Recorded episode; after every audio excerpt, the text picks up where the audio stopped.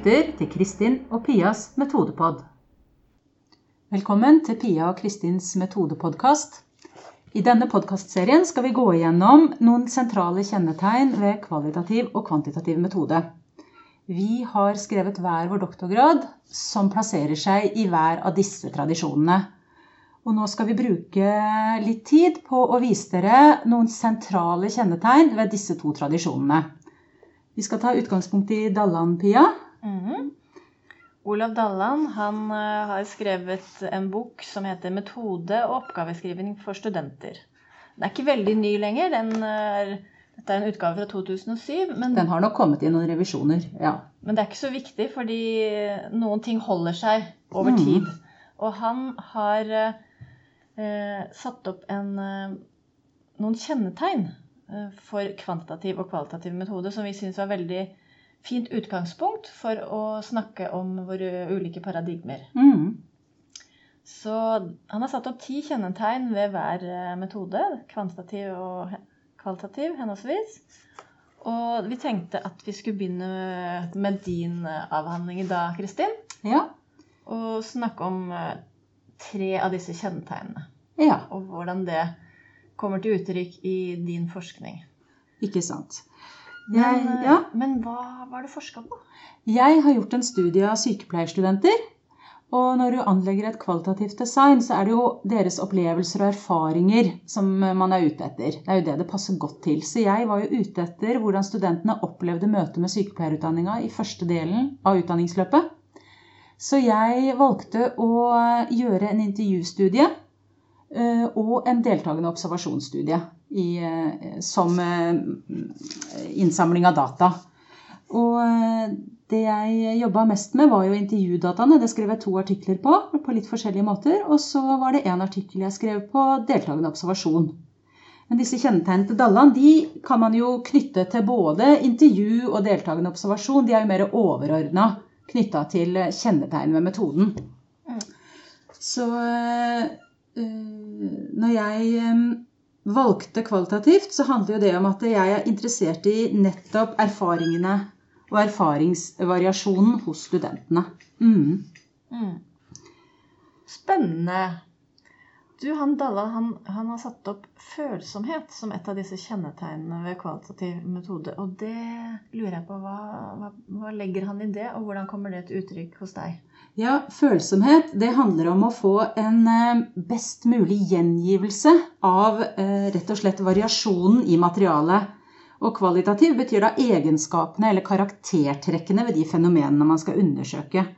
Og I min avhandling så undersøkte jeg erfaringene, og jeg så på hvordan de skaper sammenheng mellom de teoretiske og praktiske delene av utdanningen, og mellom utdanningens innhold og sine erfaringer fra livet ellers. Og når vi snakker om følsomhet, så eh, tenker jeg det handler om at eh, å få fram variasjonen eh, i studentenes fortellinger om møtet med sykepleierutdanninga.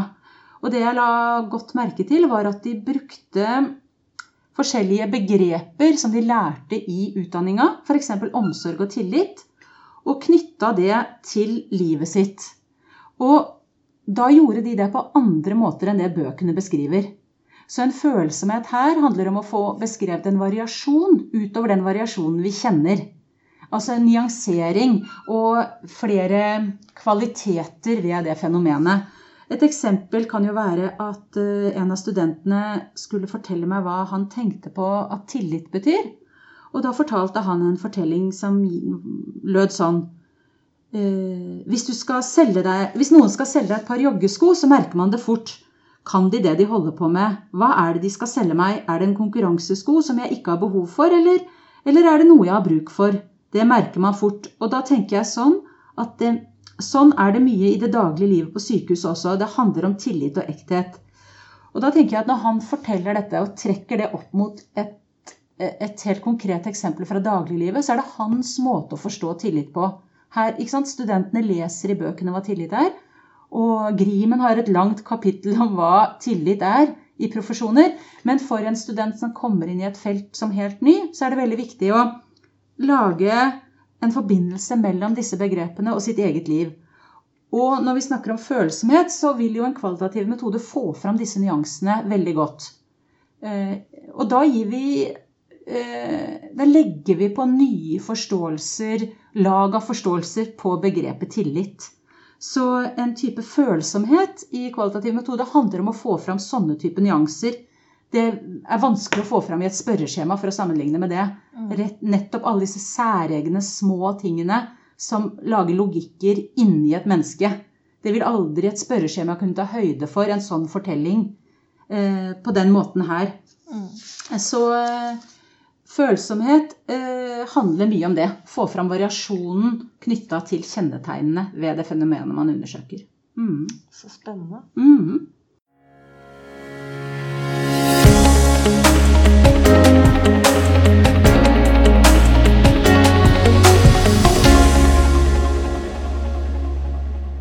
Det leder vel fort eh, inn på det neste kjennetegnet.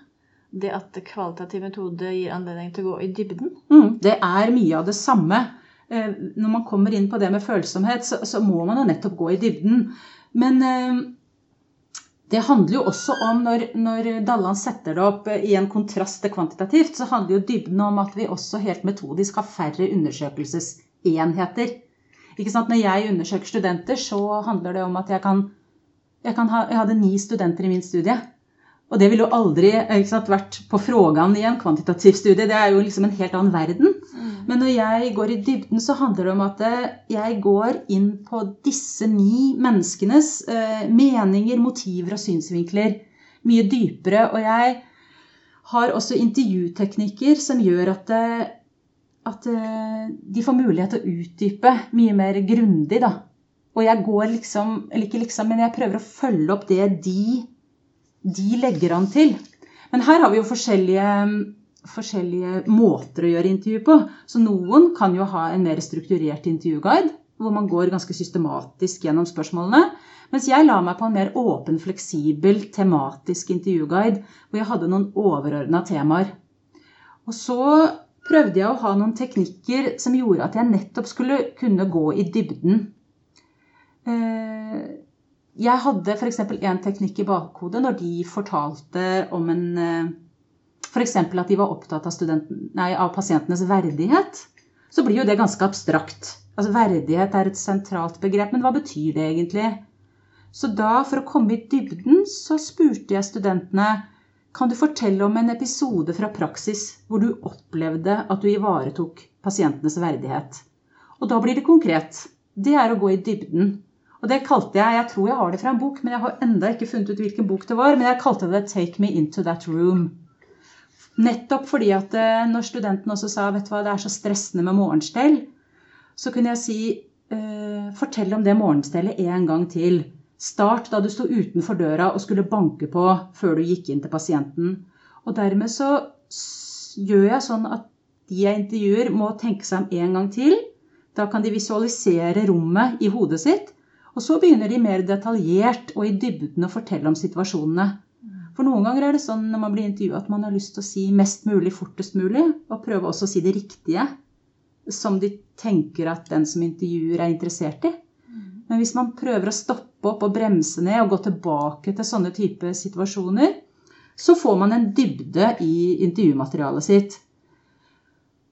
Og, så det der med 'take me into that room', det å konkretisere veldig, liksom gå én runde til eh, ble en viktig måte å gå i dybden på. Og en annen måte å tørre å gå i dybden på, er jo å tåle stillhet. Mm. Rett og slett. Og det er litt vanskelig til å begynne med. fordi at når man intervjuer for, og er uerfaren med det, så er det ubehagelig. Og man skal jo ikke sitte der og gjøre det ubehagelig for eh, intervjuobjektet. Men det har noe med å tåle at det er stille, for da kommer folk ofte på mer enn det de eh, rusher på med til å begynne med. Så sånn konkret det med dybde, det handler om følsomhet, sånn som jeg snakket om først. Og så handler det om rett og slett litt om intervjuteknikk, tenker jeg, når jeg ser Dalland skriver det om dybde. Mm. Så Det var spennende. Nå følte jeg liksom at jeg gikk inn i det rommet som du beskrev. Ja. Ja. Men det er, hvis man har den tanken i hodet, så får man helt konkrete bilder og fortellinger fra den man intervjuer. Mye mer enn hva syns du er viktig i sykepleie, eller er verdighet viktig? Ja, sier folk da. Selvfølgelig er det viktig. Og så sier de noe som er etter boka. Men hvis du får de ned på det konkrete, så kommer det subjektive. Den måten de skaper mening på i i det feltet man ønsker å undersøke. Da. Så, så det syns jeg nesten er det som jeg liker best med kvalitativ metode. Mm.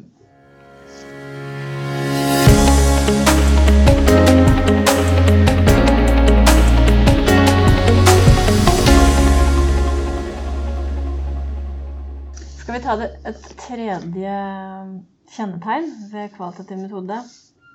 Og det er det særeg... Nei, det var det Nei, vi hopper i dag. Vi tar fleksibilitet. Ja, altså disse kjennetegnene henger jo ganske mye sammen.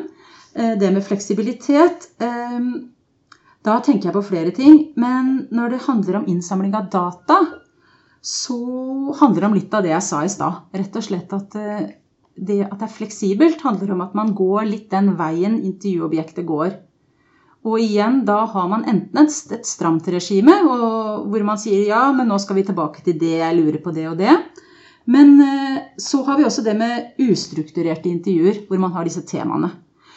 Men eh, for å trekke det over til den andre delen av studiet mitt, så var jo det deltakende observasjon. Og der gjelder også det med fleksibilitet. Der kan man jo gå inn i et felt og kanskje tenke at man skal observere alt. Jeg fulgte jo studenter på sykehuset. Og det er jo veldig overveldende å være forsker og bare gå etter en student og prøve å ta inn det den studenten er i, i et sånn type aktivt, hektisk felt. Så jeg måtte være mer øh, Jeg var fleksibel, men jeg måtte på en måte styre blikket mitt en del der. Så det fleksible i metoden ligger i at jeg gikk litt åpent ut, og så så jeg fort det at her må jeg stramme blikket mitt, for det, det blir for mye å ta inn ellers. Så jeg bestemte meg for å fokusere på studentene i interaksjon med pasientene på pasientrommet. Og da kunne jeg slappe litt av når studenten gikk på medisinrommet eller på vaktrommet eller hadde en uformell prat med en annen student i gangen. Da var ikke det mitt fokus. Da kunne jeg liksom trekke meg litt tilbake og puste litt. Og så kunne jeg koble meg veldig på når studentene gikk inn på pasientrommet. Så en sånn type fleksibilitet kjennetegner kvalitative studier. Og det handler jo også om selve designet på studiet. Eh, som vi har snakka om, eh, så handler jo kvalitativt også om at eh, designet kan forandres underveis. Idet man starter opp en studie, så har man ett utgangspunkt. Men etter hvert som man innhenter data, leser seg opp på teori, så kan veien forandres. Så et type eksplorativt studie handler om at eh, man bygger på den erfaringen og den kunnskapen man får etter hvert i studien. Og man kan også eh, styre og forme metodene og valg av metode ut ifra de erfaringene man har.